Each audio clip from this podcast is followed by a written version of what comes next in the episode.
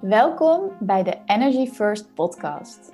Wij, Suzanne en Derdere, nemen je mee in de wereld van energie, human design en business. Voor de New Age bewuste vrouw die in haar unieke kracht gaat staan en met de flow van het leven meebeweegt. Wij zijn in de afgelopen jaren onze energie prioriteit gaan maken en delen hier tips, onze ervaringen en gesprekken met high frequency gasten om jou te inspireren om ook in de wereld van energie te stappen. Never a dull moment met Energy First.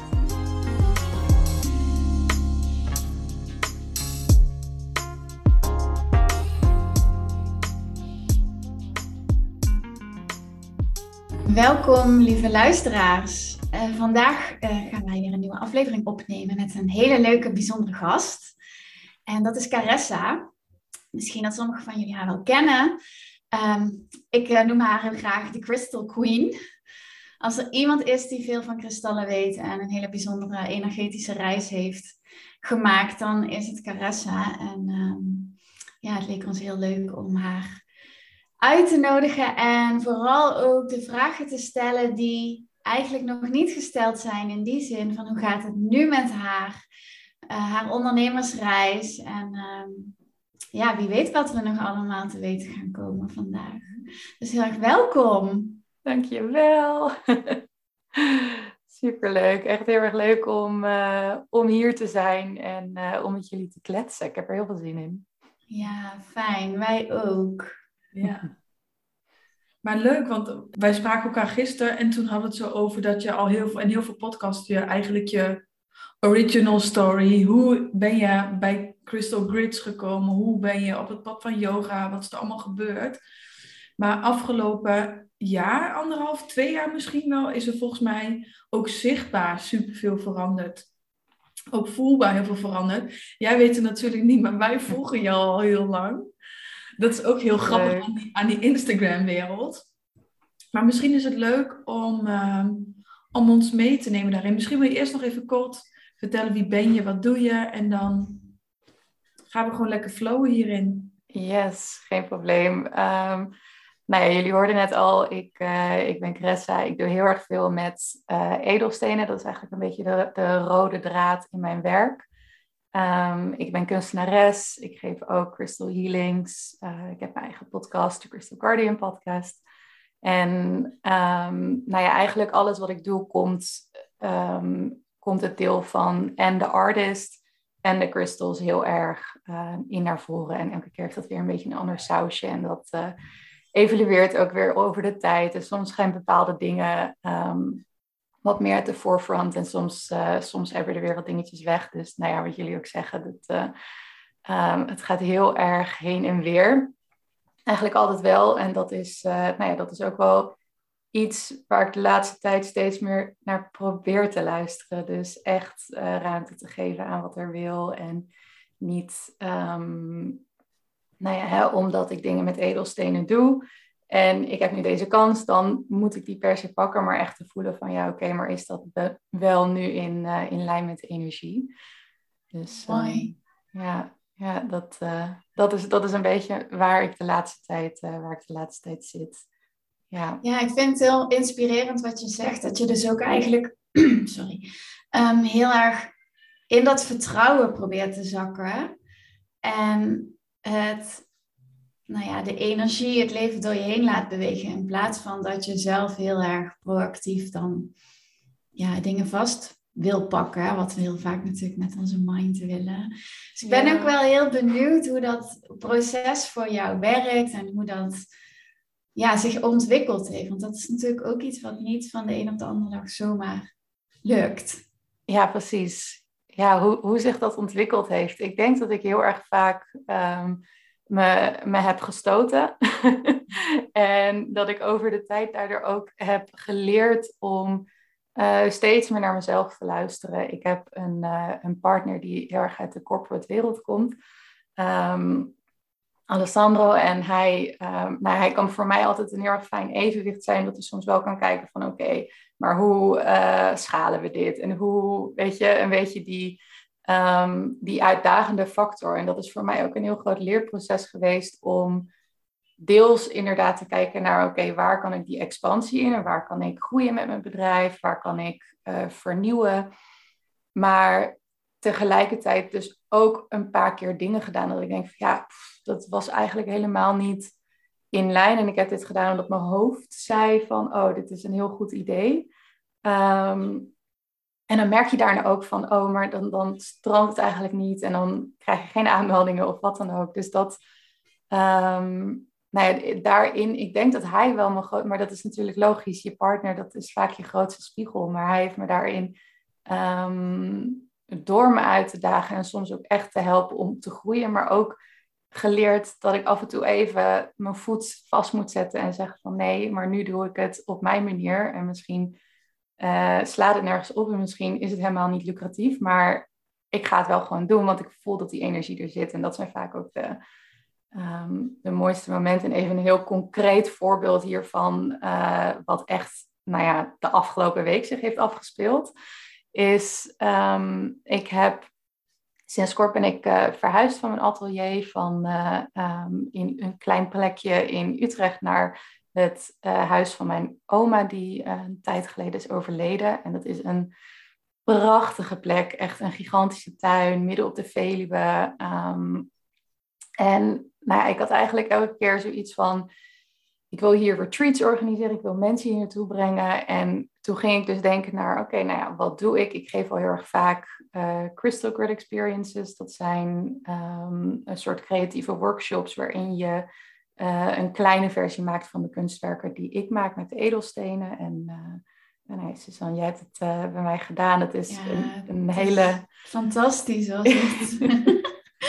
het is altijd een hele, een hele leuke en mooie manier van werken met energie, vind ik zelf. En um, nou ja, dus ik ging een beetje vanuit daar dat ik dacht, oké, we kunnen een Crystal Grid Experience doen. En dan maken we er een one-day retreat van. En dan doe ik, um, weet je, dan, dan gooi ik al mijn sausjes erin. Dan doen we yoga in de ochtend. En, en nou, ik had zo een hele dag bedacht met alle dingen die ik eigenlijk altijd al doe en toepas en waar ik les in geef. En het, het in mijn hoofd klopte het helemaal. Want het is gewoon, hè, dit is wat ik doe en wat ik breng. En dat, um, nou ja, dat, dat, dat is dan toch logisch dat je dat uh, de wereld inbrengt. Ja. En um, na de afgelopen weken had ik, uh, nou had ik eigenlijk al de hele tijd dat ik zat uit te stellen om de landingspagina te maken. En ik had wel het product op mijn website gezet, want ik had het een keertje in de podcast genoemd. Dus ik dacht, nou, hè, als, als iemand er naartoe gaat, dan, uh, dan kunnen ze in ieder geval kopen. maar verder heb ik eigenlijk helemaal geen energie ingestopt, helemaal niks aan gedaan. En ik merkte ook dat, dat, um, nou ja, dat, dat ik had wel een paar mensen die er berichtje over hadden gestuurd, maar er gebeurde verder niet zoveel. En, um, uh, en ik had, nou, afgelopen week ben ik, um, had ik, had ik een gesprek gehad, of tenminste de twee weken ervoor heb ik een gesprek gehad met vriendinnen van mij. En die zeiden ook tegen me van, ja, maar Chris, waar heb je nou echt zin in? Wat, wat wil je nou eigenlijk echt gaan doen nu? Want ja, je kan wel zo'n retreat gaan organiseren, want het is logisch om dat nu te doen. Maar wat wil je nou echt doen? En toen dacht ik, ja, eigenlijk wil ik gewoon maken. Ik wil gewoon creëren en um, ik ben bezig met een nieuw concept van het maken van mijn, uh, mijn uh, edelsteenkunstwerken. Um, echt weer op een hele andere manier, groter. Um, en daar moest ik gewoon ontzettend veel voor experimenteren. En omdat dat zo'n zo'n groot ding was, vond ik het heel spannend om daarmee te beginnen. En had ik, zat ik elke keer van, oké, nou ik weet het niet. En ik moet, nog, ik moet nog die machines of ik moet nog die materialen en ik moet nog die verf bestellen. En nou ja, zo was er eigenlijk altijd wel iets dat ik het niet, uh, niet kon doen. En toen dacht ik, na het gesprek met mijn vriendinnen, van weet je wat? Ik ga naar die plek, naar mijn nieuwe atelier toe. Ik sluit mezelf op en ik geef mezelf gewoon een week lang om alleen maar te spelen en te experimenteren. Want blijkbaar is er dus iets in mij wat ik heel graag gewoon wil maken. En voordat ik dat ging doen, uh, had ik al een berichtje gestuurd naar mijn uh, stagiair of mijn ex-stagiair. Die um, had ik gevraagd om foto's te maken van uh, de One Day Retreat. Had ik gezegd, joh, als er een andere klus is, voel je vrij om daar gewoon lekker voor te gaan. Want ik denk dat het, nog, dat het nog wel kan veranderen. En wie weet heb ik wat inspiratie na deze week weer. En toen was ik, uh, toen was ik de week ingestapt en uh, gaan maken. En terwijl ik daar bezig was, had ik, uh, nou ja, was ik ook aan het delen op Instagram wat ik aan het doen was. En hoorde ik gewoon de hele tijd zo'n stem van, maar dit moet je doen, maar dit moet je doen. En uh, had ik het op Instagram gezet van, nou ja, hè, um, echt een beetje zo'n spur of the moment van, misschien moeten we gewoon dit gaan doen. En ik had echt binnen no time super veel berichtjes van mensen met, oh, ik was al helemaal aan het kijken hoe ik dit voor mezelf kon gaan maken. En uh, mensen die super enthousiast waren. En ik heb toen echt letterlijk, nou, ik heb er de hele dag gewoon aan niks anders kunnen denken. Het was echt een soort, nou ja, hoe dat soms met een creatief idee kan gaan, dat het je hele lichaam overneemt, dat het echt zo'n vloedgolf is die, die door je heen gaat. En dat je dan gewoon, nou ja, ik was ook de volgende ochtend, ik stond op en om zeven uur was ik alweer dingen aan het uitwerken en ideeën aan het uitschrijven. Omdat het gewoon, um, nou ja, echt, echt gigantisch erg door me heen stroomde. En toen dacht ik ook van, oh, maar nu snap ik dat die um, Crystal One Day Retreat, dat dat niet liep en dat ik daar niet mijn eigen energie in wilde stoppen, want er was gewoon iets anders uh, wat zich wilde aandienen. Maar daar had ik die, ja, die pauze, die, die solitude, dat, dat um, soort van dat, dat nulpunt voor nodig. En nou ja, gewoon dat, dat verschil in, um, uh, in, in de energie voelen tussen die twee uh, creaties was echt weer even een nieuw moment van, oh ja, oké, dit is inderdaad wat we willen.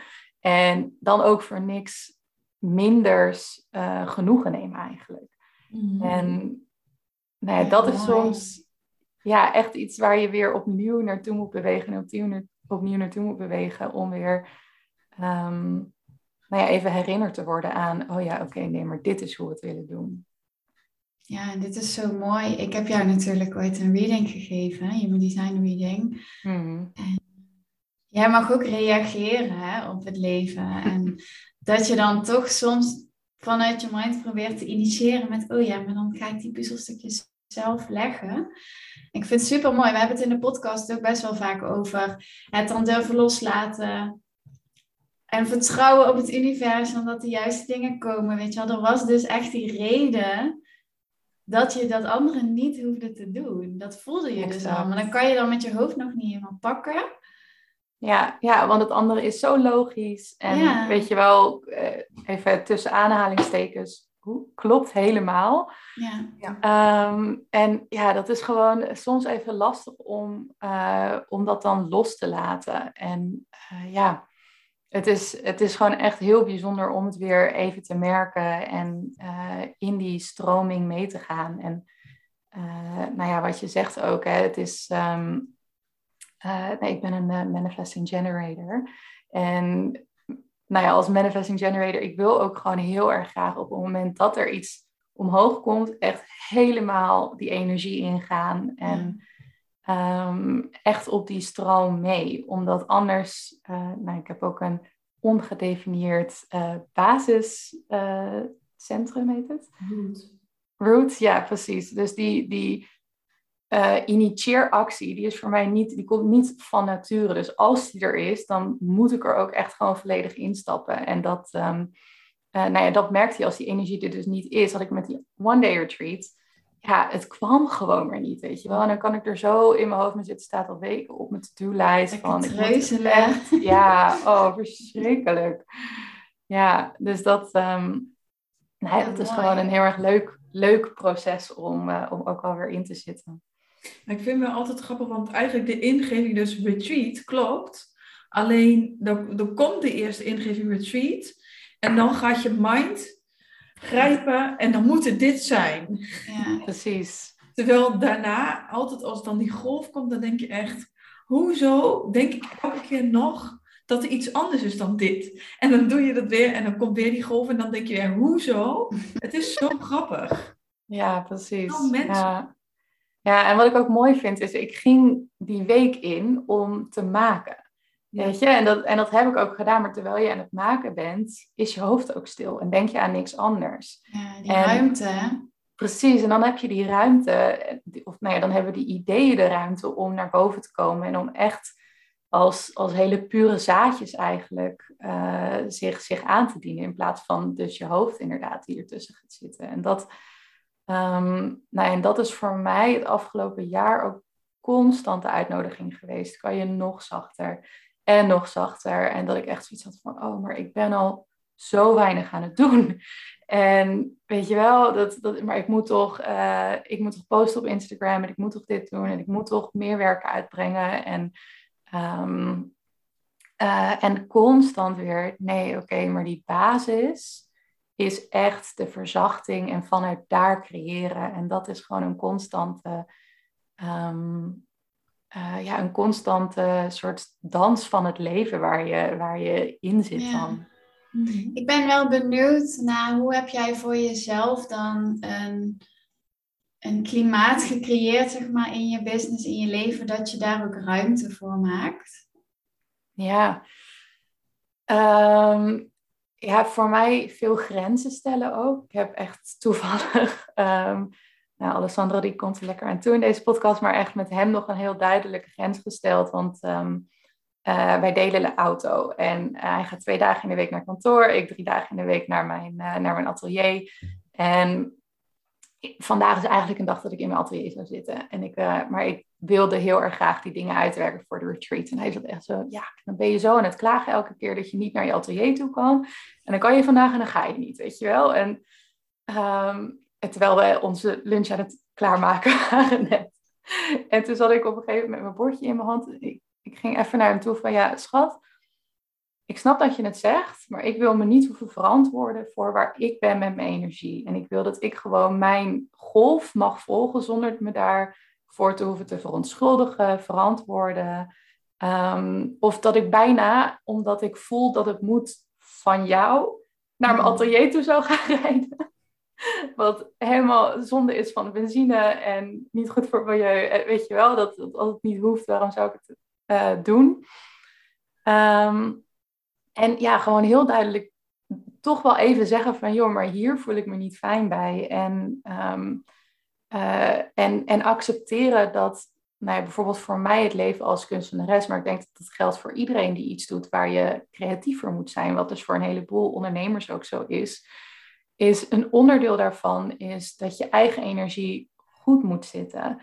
En voor mij, wat het betekent dat mijn energie goed zit, is dat ik heel veel tijd nodig heb om te lummelen, om mijn dag pas te beginnen om tien uur, omdat ik een cacaotje wil drinken en ik wil nog even buiten wandelen en ik wil nog een yoga doen. En um, weet je, dat ik heb bijvoorbeeld net pas gedoucht, omdat ik wakker word.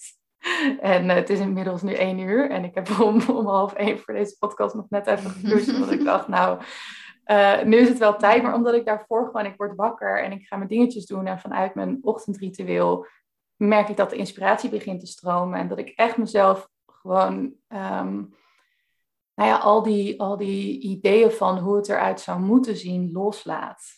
En, ja. um, en ook accepteren dat sommige mensen daar soms jaloers op kunnen zijn. Want dat heb ik ook gemerkt, dat andere mensen daardoor kunnen gaan zeggen van, oh, maar dat hoor je toch niet te doen? Of uh, waarom ben je er nu zo mee bezig? Omdat het confronterend is als jij bijvoorbeeld een, een 9-to-5 job hebt en je ziet iemand anders lekker lummelen en die noemt dat uh, onderdeel van haar werk. Mm.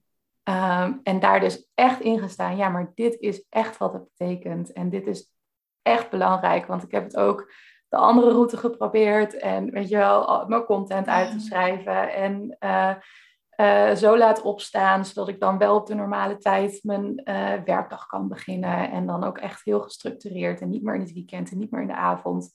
En uiteindelijk, echt, het is een, een, een killer voor mijn creativiteit en een killer voor mijn, um, uh, ja, echt voor dat innerlijk vuur.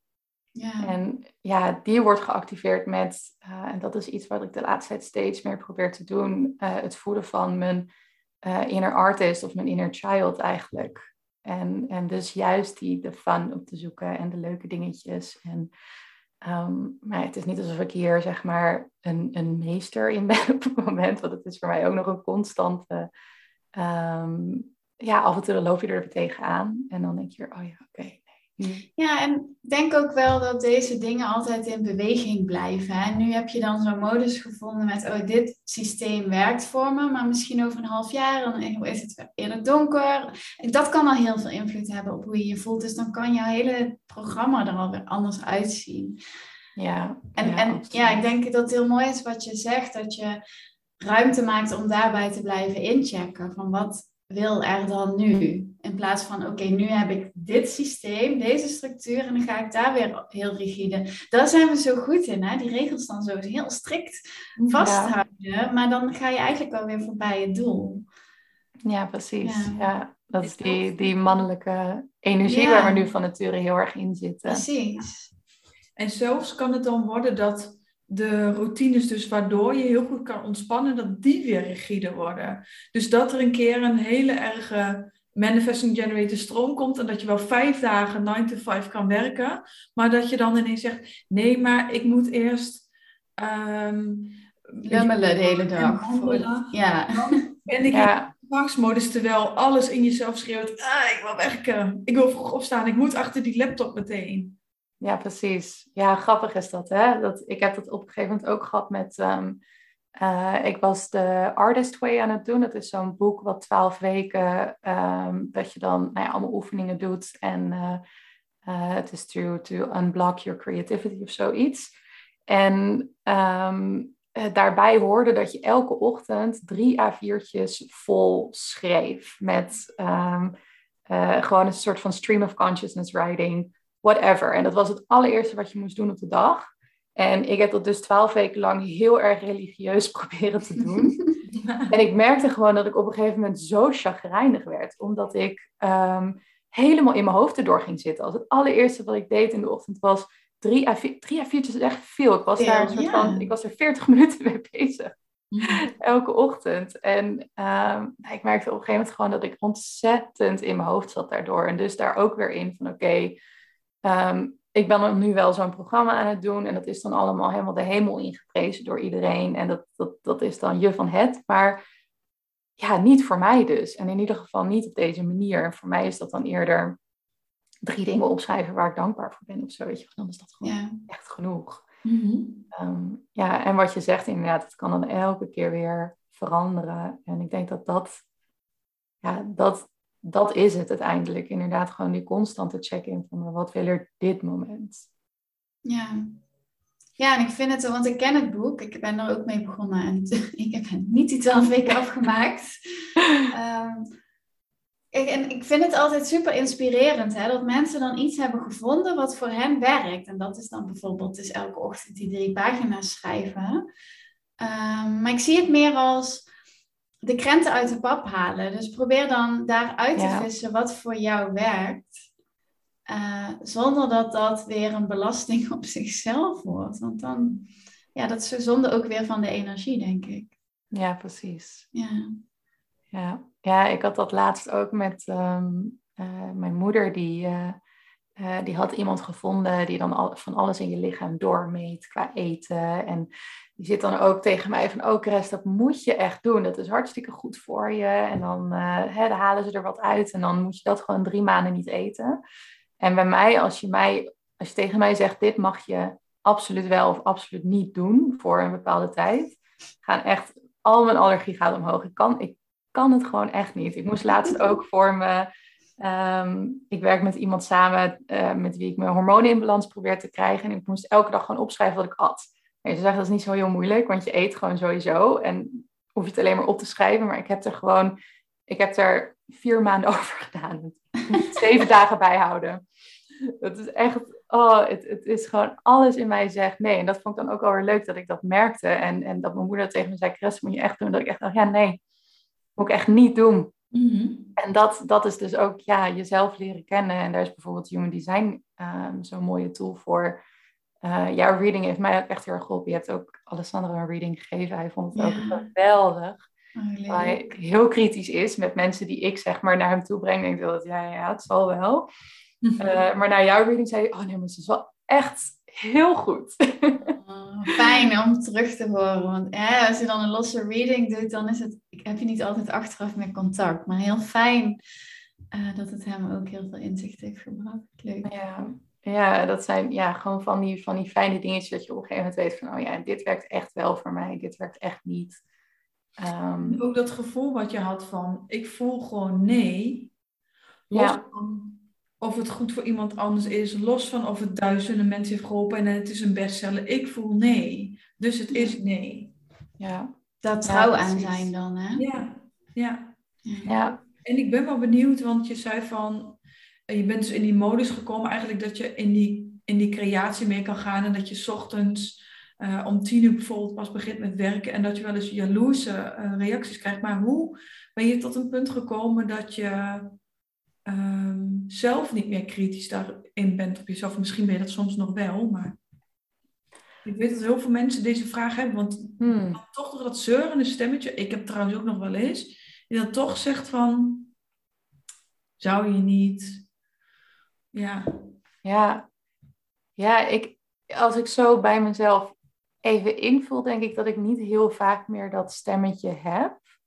Wat bij mij vooral vaak de uitdaging is, is ehm, überhaupt niet iets doen wat werkgerelateerd is, omdat ik van al mijn hobby's eigenlijk wel mijn werk heb gemaakt, dat het er allemaal in zit. Ehm, dus nou ja, dan ook echt wat vinden wat iets is wat, eh, wat niet je werk is. Maar ehm, ja, hoe je daar niet kritisch in kan zijn naar jezelf toe. Ik denk het echt herkennen van, van de, de helende waarde ervan. En daar volledig in gaan staan. En jezelf ook de tijd gunnen om dat te ervaren. En het niet een keertje half te doen. En dan te denken, ja, ik weet het niet. Maar ehm, dan ook echt jezelf de tijd te gunnen van oké, maar nou mag ik echt even, hè, zoals ik dan bijvoorbeeld tegen mezelf heb gezegd, oké, die hele week sluit ik mezelf op en ik ben in mijn atelier. En ik mag doen wat ik wil. En het was echt niet alsof ik daar een soort van, eh, als een zen-boeddhist daar in mijn ateliertje alleen maar heel mooi, eh, hele mooie dingen aan het maken was. Want ondertussen werd er om het huis heen een terras aangelegd. En ondertussen woont mijn moeder tien minuten verderop, die dan elke keer belt, Cres, kan je mijn broertje is 15 jaar jonger dan ik. Kan je Jonas even van school ophalen? Of Cres, eh, eet je mee? Of, hè? Dus, dus ondertussen is er eigenlijk ook heel veel chaos daar uh, gaande. Um, maar omdat ik mezelf die tijd had gegund, normaal gesproken is het dan zo'n werkdag waarop ik denk van ja, chips, weet je wel, ik, ben, ik heb maar die aantal dagen in de week en uh, ik heb maar zoveel uur op die dag waarin ik helemaal geïnspireerd en in de flow zit. En als dan iemand aankomt zetten met zoiets, dan denk ik, ja, jongen, jongen, weet je wel, dat is echt uh, super vervelend. Um, en nu, omdat ik die ruimte voor mezelf heb had, merkte ik van, oh, ik kan echt even in een andere versie van mezelf stappen, die mee kan gaan op die flow. En die kan zeggen, is goed, ik hou Jonas even op en we halen een appeltaartje samen. En um, dat dat eigenlijk ook heel veel doet voor mij. Um, en het loslaten van het idee wat het had moeten zijn, wat toch wel een soort van die, de, de solitude, de, de kunstenares die daar in haar eentje gewoon hele mooie dingen aan het maken is, midden in de bloementuin en verder um, niemand ziet, naar eigenlijk hoe ik mezelf altijd in mijn leven voor me zou willen zien, is iemand die vanuit ontspanning door het leven heen beweegt. En um, en dit is ook wel mooi wat je zegt, want ergens hoor ik daarin ook, oh ja, dan heb je toch vanuit jouw mind weer een bepaalde um, verwachting gecreëerd van, oh ja, als ik dan die week daar ben, dan moet het er dus zo uitzien. Ja. Hè, dan ga je weer, terwijl juist als je in die overgave zakt en dan, oh, die dingen komen op mijn pad en die kan ik vanuit deze energie ook omarmen, dan is dat al meteen een veel waardevollere ervaring. Dan vecht je ook daar niet tegen of zo, hè? dan is die weerstand ja. eraf. En dan kost het niet zoveel energie ook. Ja. Ja, ja. ja dat is zo, um, zo bijzonder. En de enige reden dat ik dat op die manier kon ervaren was omdat ik mezelf de tijd had gegeven. En omdat ik die ruimte had en ik echt kon voelen, de ruimte is er. Ja. En ja, ik denk dat, dat dat iets is wat zo ontzettend waardevol is. En ook iets is wat we onszelf echt steeds minder gunnen. Die tijd en die ruimte. En... Terwijl die steeds meer nodig is. Precies, ja. precies. Ja. ja. Ja, mooi. Mooi om te horen hoe dat zo is gegroeid ook. Hè? Dat je daar ook steeds meer in kan zakken en durft te zakken, omdat je dus ervaart wat het je oplevert. Ja, ja. ja het, is, het is een hele, een hele mooie reis. En ondertussen ook um, nou komen er ook af en toe wat dingen omhoog van, uh, hè, want het is toch je werk en je moet er toch geld mee verdienen. Ehm, ik heb toen mijn oma was overleden vorig jaar, heb ik best wel lange tijd. Um, nou, ik ben in het begin wel juist weer gaan werken, maar daarna heb ik echt een tijdje even weer vrijgenomen. Dat ik merkte van, ook oh, moet het nog echt even verwerken en mezelf die tijd gunnen. En ik dacht, oh, dat zijn twee weekjes en dat is uiteindelijk uh, twee, drie maanden geweest waarin ik niet heb gewerkt. Um, en waarin ik ook, weet je wel, mijn rekening steeds lager zag worden, steeds lager zag worden. En nou ja, dat is een van de meest primal triggers die je kan hebben. Hè? Dat echt die angst van, um, maar dan heb ik niks meer. Of maar die veiligheid die wegvalt. Precies, die veiligheid die wegvalt. Terwijl, weet je wel, ik ben in een super privileged situatie. Ik heb uh, om me heen ontzettend veel mensen dat wat er zou gebeuren zouden me opvangen. Maar toch uh, neemt dat niet weg dat dat gevoel er wel is. Van, oh, maar het is allemaal op en nu moet ik dingen gaan doen. Nu moet ik dingen gaan doen. En um, door dat ook tegen te komen in mezelf, heb ik uh, wel het gevoel gekregen dat ik me daar zelf, mezelf daarin heb kunnen trainen. Op het moment dat die gedachten naar voren komen, echt te voelen: oké, maar is dit echt zo?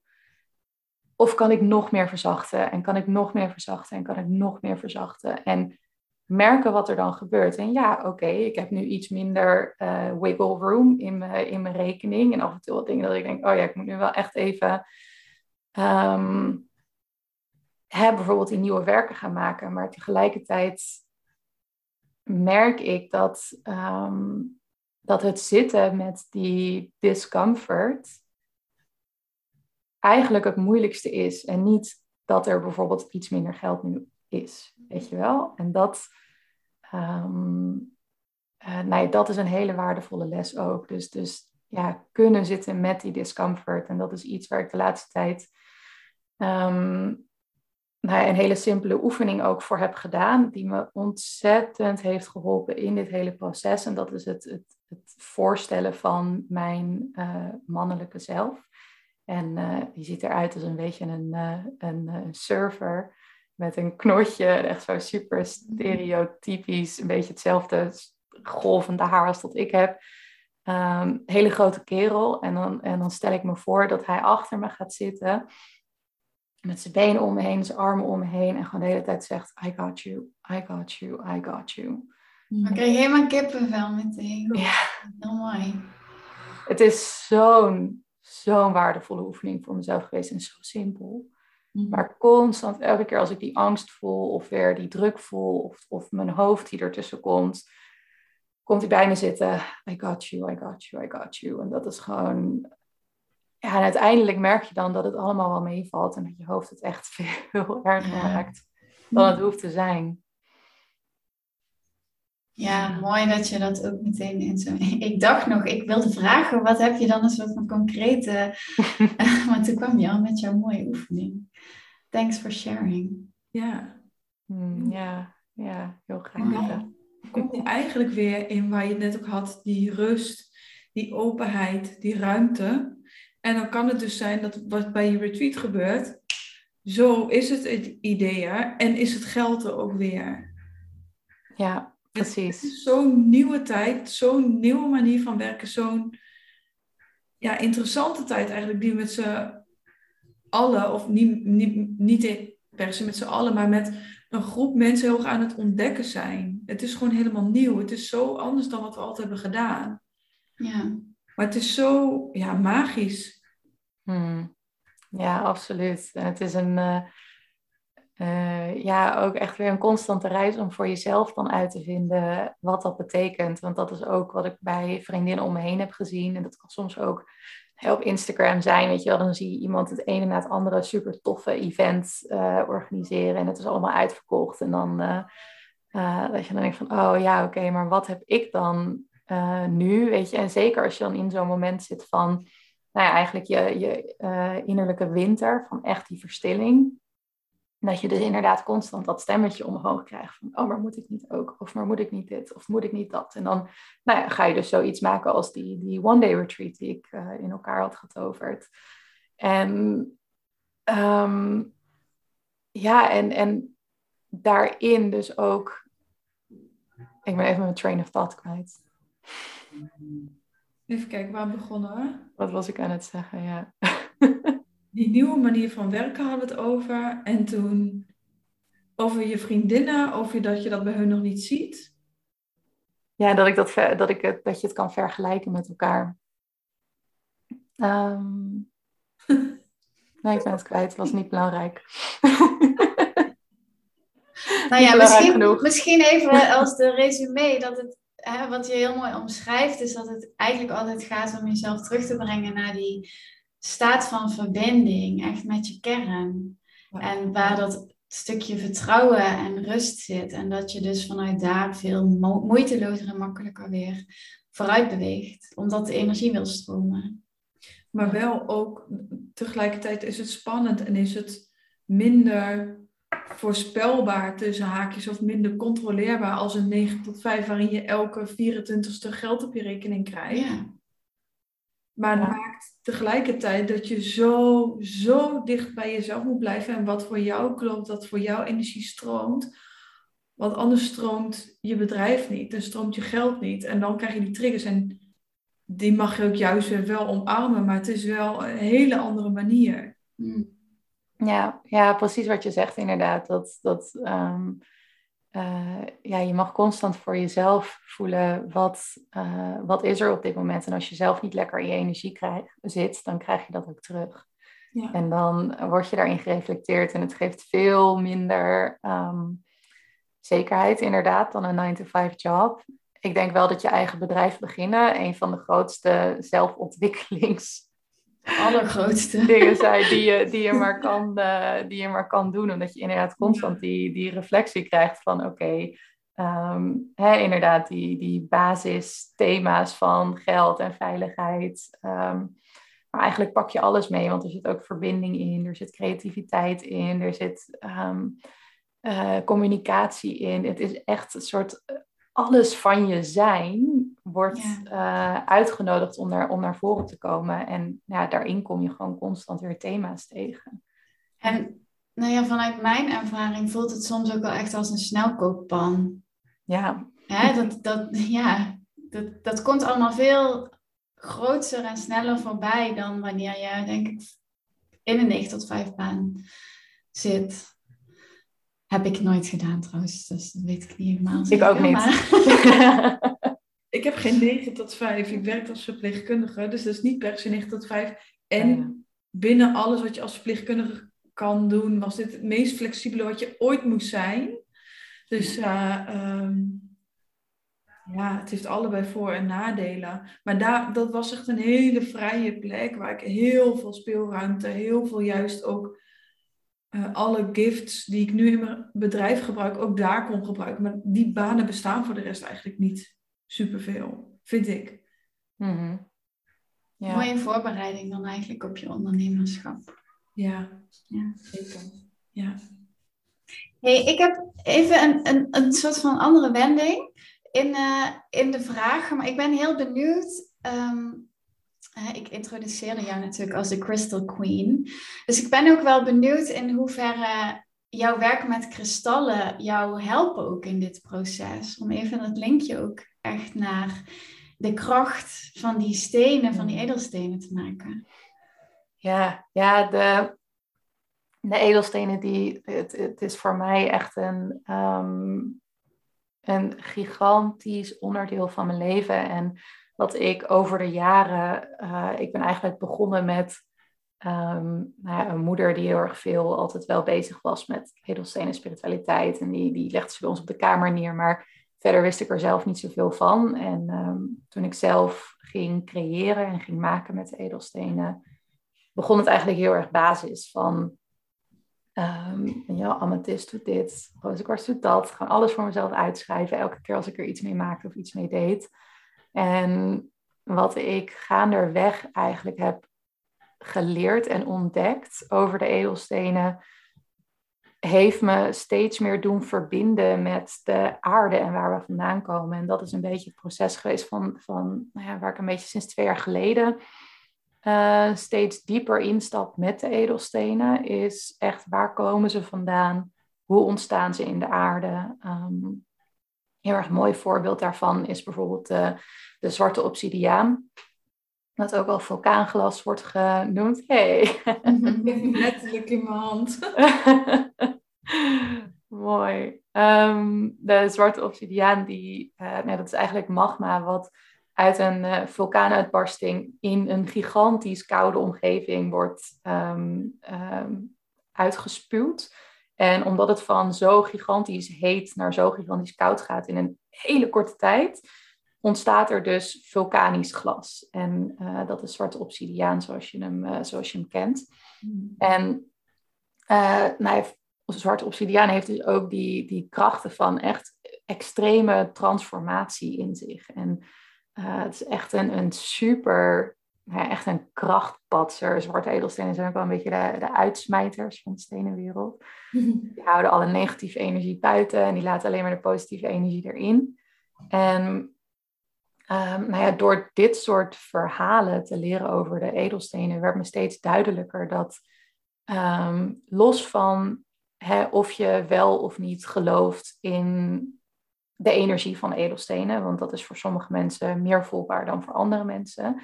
De symboliek die erin verborgen ligt is zo onwijs mooi en prachtig en een constante herinnering aan dat de dingen die we om ons heen zien eigenlijk stukjes aarde zijn. Dat uh, bijvoorbeeld bergkristal in je telefoon wordt gebruikt om uh, data, om informatie door te sturen of op te slaan. Uh, weet je, het zijn, het zijn dingen die we, die we vergeten. Maar voor mij zijn de edelstenen een constante herinnering aan dat alles om me heen een bepaalde energie met zich meedraagt. En dat alles om me heen eigenlijk ook een stukje aarde is en een stukje van mij. En ja, de calciet, die voornamelijk uit uh, calcium bestaat, die kristallen die overeenkomen met dezelfde kristallen die, waar, waar onze botten van zijn gemaakt. Weet je, dus, dus eigenlijk de edelstenen zitten ook in je lichaam en de, de fossielen die je vindt uh, zijn ook vaak calciumachtige en uh, nou ja, weet je, dus, dus dat zijn eigenlijk allemaal, het zijn allemaal edelstenen die je vindt, die ook weer de herinnering dragen van bijvoorbeeld de, de fossielen en van de beestjes van die, die miljoenen jaren terug bestonden. En um, nou ja, dit, dit, is een onderwerp waar ik echt oneindig over door kan praten. maar die, die constante herinnering van alles om je heen sta je mee in verbinding en we komen allemaal uit hetzelfde en we zullen uiteindelijk ook allemaal weer in hetzelfde eindigen. Ja, wat die grond is. En, ik voel heel mooi nu je dit vertelt, zo echt de verbinding met de natuur, maar ook een soort van tijd en ruimte die ineens helemaal, alles blendt in elkaar als jij dit verhaal vertelt. Super mooi. Ja, en iets wat we zo snel kunnen vergeten, omdat als je een, een edelsteenwinkel instapt, zie je al die super mooie glimmende, uh, weet je wel, de, de amethyst geodes en de rutielkwartjes met goud erin. En het ziet er allemaal prachtig uit. En ik ben zelf ook een ongelofelijke exter, dus dat is helemaal goed dat je, dat je daar helemaal van aangaat. Maar het is zo makkelijk om daarin te vergeten dat het, sommige van die, van die edelstenen zijn letterlijk gewoon 20 miljoen jaar oud, weet je wel. En dat is dat heb je dan gewoon even in je hand. Dat, dat, dat idee alleen al. Ik vind het zo magisch en zo bijzonder. En ehm, ja, ja, dat is gewoon echt iets dat het, nou ja, ook hè, sprekende over die verzachting en die, die rust instappen, die verbindenis met de aarde om me heen, dat, ja, dat heeft ontzettend veel daar ook voor gedaan, omdat je dan ook ehm, nou, als je echt die verbindenis voelt, denk ik ook dat je haast niet anders kan dan verzachten. En niet anders kan dan je verwonderen om de bloem waar je langs loopt. Of ja. Ehm, te kijken naar hoe die oude opa zijn vrouw over de stoep heen helpt. Of weet je, oh, ja, dat, dat soort, plaatjes, ja.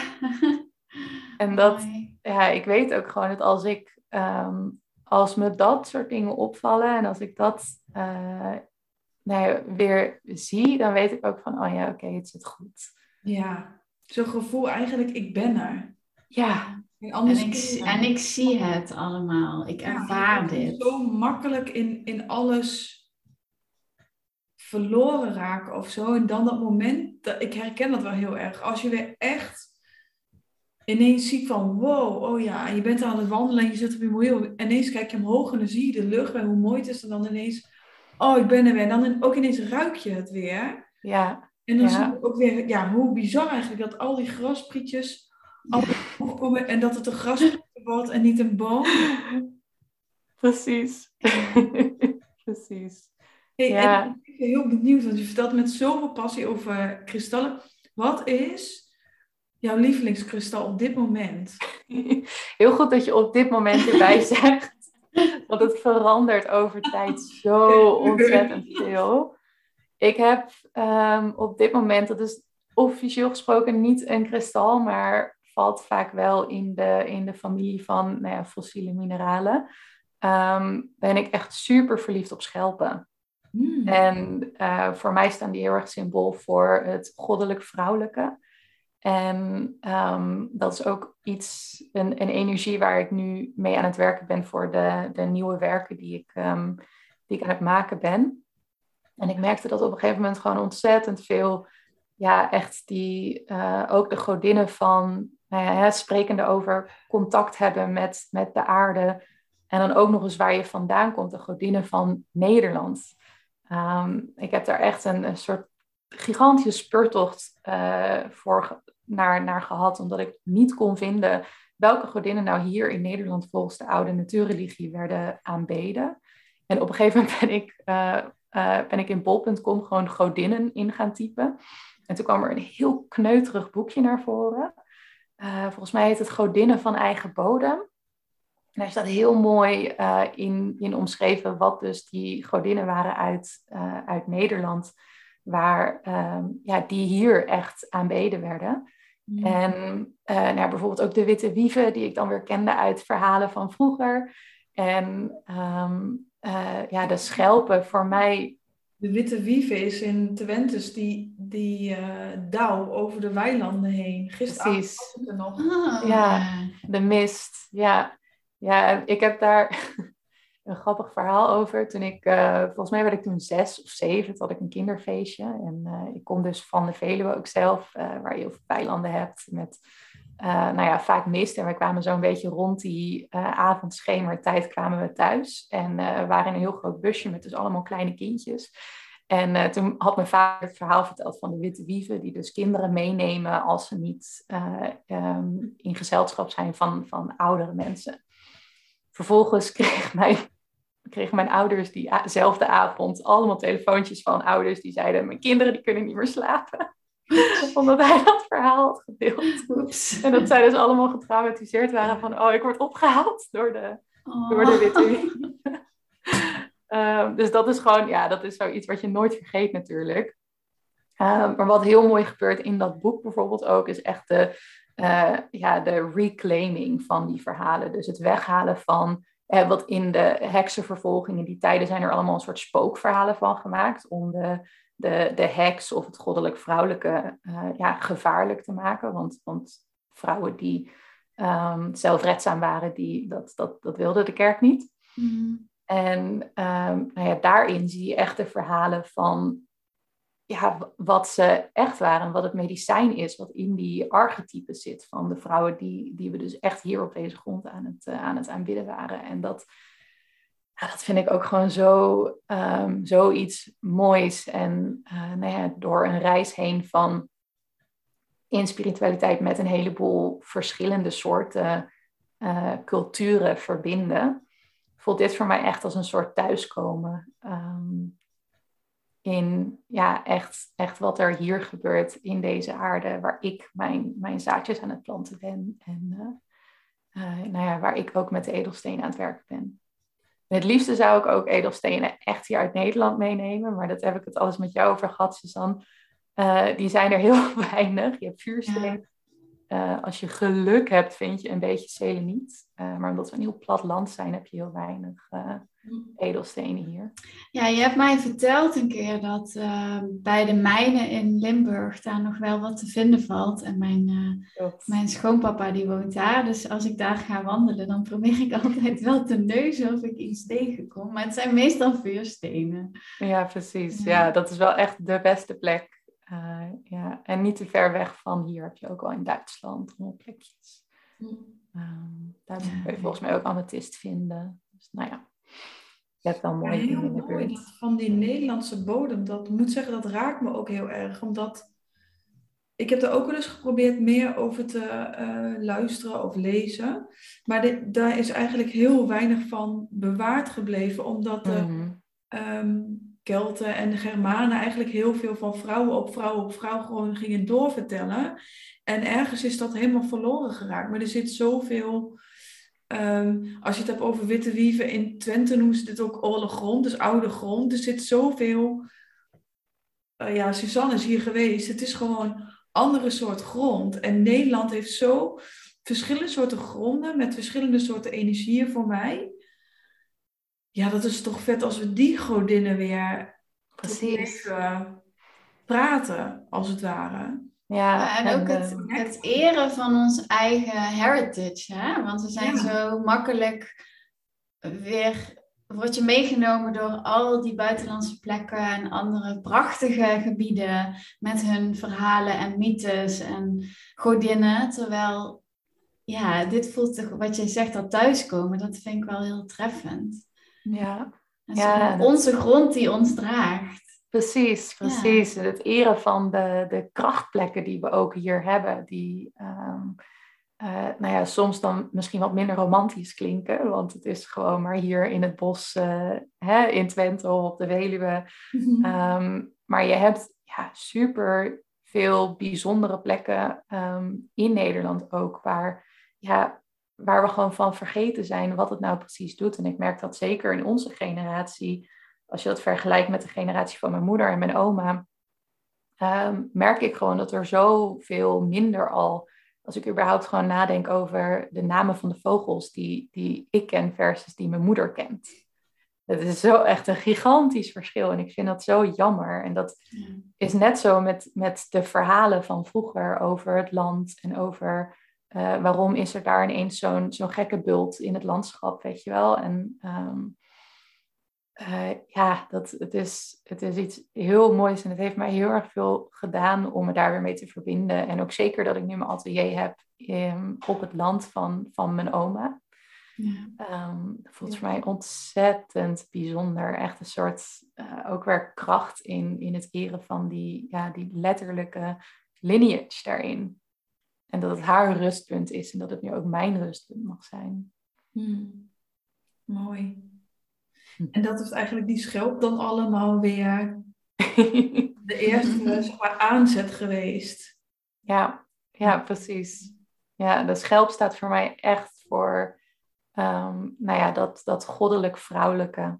En um, het is verbonden met het element water. Het element water is ook het element van de creatieve chakra, de sacrale chakra. Ehm, de emoties. En ja, voor mij zo'n prachtig, mooi symbool ook gewoon van de schoonheid van de vrouw. En daarvan kunnen genieten en de schoonheid van het leven. En um, nou ja, je merkt wel gewoon, er zijn hele duidelijke thema's bij mij. Echt die, die ehm, eh, ja, dat, dat genieten en het, het eren van de schoonheid ook daarvan. Want dat is ook wel iets wat de schelp erg in zich heeft. Echt, dat, dat prachtige. Ja, en ook juist denk ik de ruimte en het ergens meer kwetsbare dan een steen. Ja, hm. ja zeker. Absoluut. En misschien ook nog meer die verbinding met uh, onszelf, omdat het dus ja, diezelfde uh, mineralen heeft als onze botten. Ja, dat, vind ik echt heel mooi. Heel fascinerend, wist ik niet. Ja, en, en het is dus zo eigenlijk dunne kwetsbaarden, maar ook duizenden jaren oud soms. En door die structuur waarop dat helemaal is gegroeid, waarop de natuur dat gewoon doet, wordt het zo stevig. Ja, dat is fascinerend. Ja, ja. Ik las toevallig vanmiddag een stukje tekst uh, van iemand, dat was op, uh, op Instagram gepost. En uh, daarin stond dat een fossiel is niet het overblijfsel van de botten van, van dat wezen, maar het is de herinnering van dat wezen in de steen. Mm. En dat vond ik ook zoiets moois, dat het dus echt door de aarde wordt, wordt opgeslagen. En het zijn dus ja, die, die kleine tastbare soort van bolletjes van informatie die we eigenlijk met ons meedragen en waar we nu weer mee kunnen verbinden, ook op energetisch niveau. Dus hoe voelt dat, weet je wel? Echt die, die, die aardse kracht van miljoenen jaren geleden, wat zo'n andere aarde is dan, dan de aarde van nu. En um, nou ja, wat doet dat met je eigen energie als je je daarmee verbindt? Ja, prachtig. Het is eigenlijk een soort van archief hè, daardoor, de aarde. En ook al die stenen. Dus als je in zo'n winkel staat met al die kristallen, dan, ja, dan heb je zo'n arsenaal eigenlijk aan verhalen, aan geschiedenis, aan verbinding met culturen. Ja, ja mooi. Ja, absoluut. En dat is wel een van mijn Ehm, nou ja, wensen van, van de afgelopen jaren om een vertaler te kunnen zijn van die verhalen ook. Want voor mijn gevoel wordt er al zoveel verteld over nou ja, hè, wat is de werking en wat is de energie. Maar slaan we heel snel, ook omdat het misschien wat minder makkelijk over te brengen is in een snelle Instagram post of in een leuk Pinterest plaatje echt van, nou ja, hè, wat is dan het, het ontstaansverhaal van die, van die edelsteen en waarom ehm, hè, is een bepaalde edelsteen dan weer goed voor de communicatie of waarom is een bepaalde edelsteen heel rustgevend. Ehm, en ja, als je die ontstaansverhalen erachter leert, dan is het ook veel makkelijker om je met die energie te verbinden, voor mijn gevoel. Ja. Ik hoor een nieuwe podcast uh, voor me. ik, ik hang aan je lippen. Ja, leuk. Ja, dat is eigenlijk inderdaad wat je zegt, een heel goed idee om meer die verhalen te vertellen. Ja, nou, uh, de Crystal Guardian podcast. ja, maar echt, het is zo mooi. Ja. hey, en uh, ik zie dat we al meer dan een uur aan het kletsen zijn. Um, misschien wel leuk om een beetje richting het einde te gaan naar de podcast heet natuurlijk Energy First podcast. we vinden het altijd leuk om even te vragen van... Wat betekent Energy First of Energy First leven voor jou? Ja, nou, ik denk dat we er ehm, tijdens het gesprek al een paar keer op hebben, uh, uh, op hebben getouched. Maar voor mij Energy First leven is ja, genoeg die vertraging ingaan om echt naar mijn gevoel te kunnen luisteren en om nou, ik denk ook wel te kunnen herkennen wanneer is iets mijn hoofd en wanneer is iets echt de energie. Dus um, ja, nog zachter, nog zachter, nog meer vertraging. nog meer vertrouwen. Nog meer vertrouwen, ja, precies. Mooi. En we vinden het ook altijd leuk, maar dat is een beetje on the spot, hebben we vergeten te vragen. Heb je een leuk liedje wat je wilt toevoegen aan de Energy First uh, playlist? Want we hebben een playlist oh. waar we gewoon allemaal random liedjes van random gasten. Het is eigenlijk een soort verzameling, uh, herinnering, verzameling van, oh, dat was dat gesprek, dat was dat gesprek. Leuk, ja. Nou, ik heb toevallig van, vanmiddag, ik, ik zal hem even opzoeken. Ik had vanmiddag een liedje die ik in een playlist van mij had gezet. En ik kwam vandaag weer in zo'n daily mix naar voren. En ik dacht, oh, dit is echt zo'n lekkere energie. Het heet Oh Heya van Sean Christopher. Kijk, als ik nu dit, hè? Horen jullie hem? Ja. You sound like the beat of a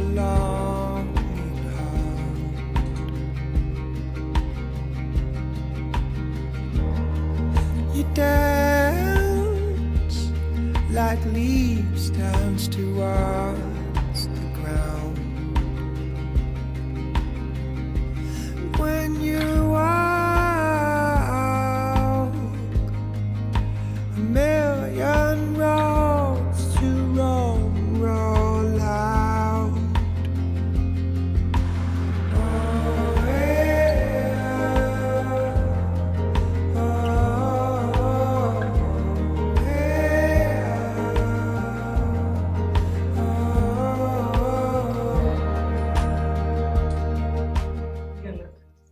Ik wil hem eigenlijk niet afzetten, maar... We Hij vangt wel mooie energie, hè?